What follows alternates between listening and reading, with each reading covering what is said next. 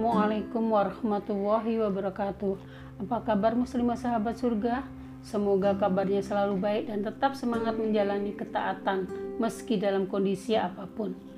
Sahabat surga yang dirahmati Allah, di tanggal 10 Zulhijjah setiap tahun, umat muslim merayakan Idul Adha.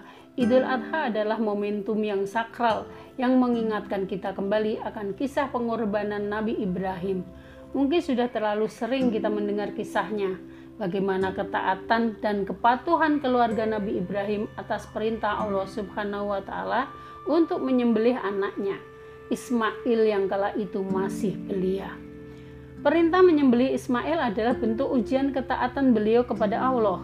Betapa Ibrahim mau mengorbankan dengan tulus sesuatu yang dicintainya untuk mengharap ridho Allah Subhanahu wa taala. Di dalam Quran surat Asy-Syaffat ayat 102 Allah berfirman Bismillahirrahmanirrahim. Falamma balagha ma'ahu sa'ya qala ya bunayya inni ara inni ara fil manami anni adbahuka fandur madza taro. Qala ya abati fa'al ma tu'mar. Satajiduni insyaallahu minasyabirin maka ketika anak itu sampai pada umur sanggup berusaha bersamanya Ibrahim berkata wahai anakku Sesungguhnya aku bermimpi bahwa aku menyembelihmu. Maka pikirkanlah bagaimana pendapatmu? Ismail menjawab, Wahai ayahku, lakukanlah apa yang diperintahkan Allah kepadamu. Insya Allah engkau akan mendapatiku termasuk orang yang sabar. Namun berapa banyak dari kita yang bisa mengambil ibroh dari kisah mereka? Apakah kita juga sanggup melakukan pengorbanan seperti Nabi Ibrahim untuk membuktikan taat dan patuh kita kepada Allah? Pengorbanan sejatinya selalu ada dalam kehidupan. Banyak hal yang mungkin sering kita korbankan: waktu, tenaga, pikiran, materi, bahkan jiwa adalah sesuatu yang sering kita korbankan untuk tujuan tertentu. Namun, apakah tujuan itu kita lakukan semata-mata menghadap ridho Allah atau untuk yang lain?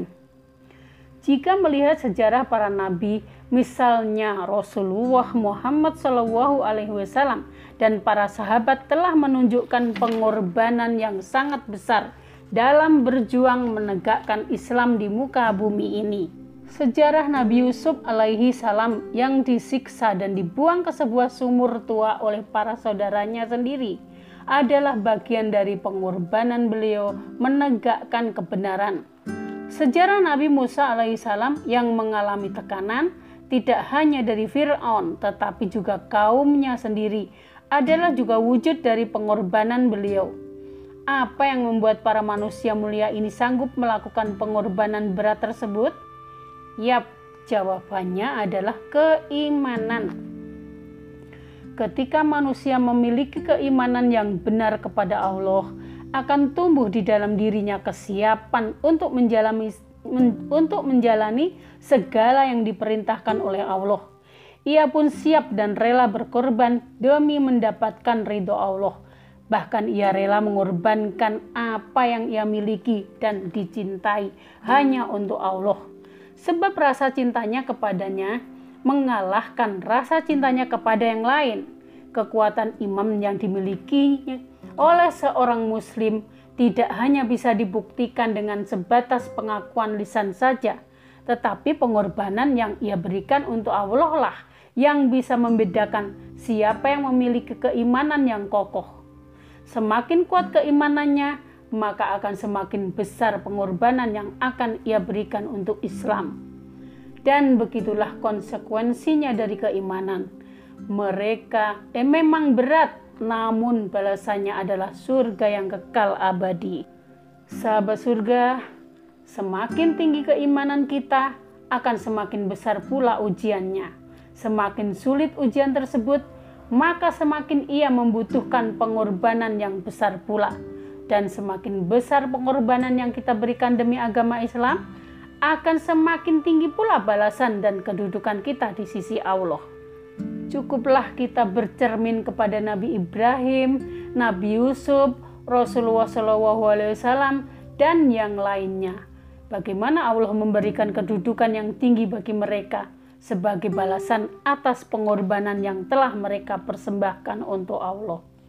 Wassalamualaikum warahmatullahi wabarakatuh.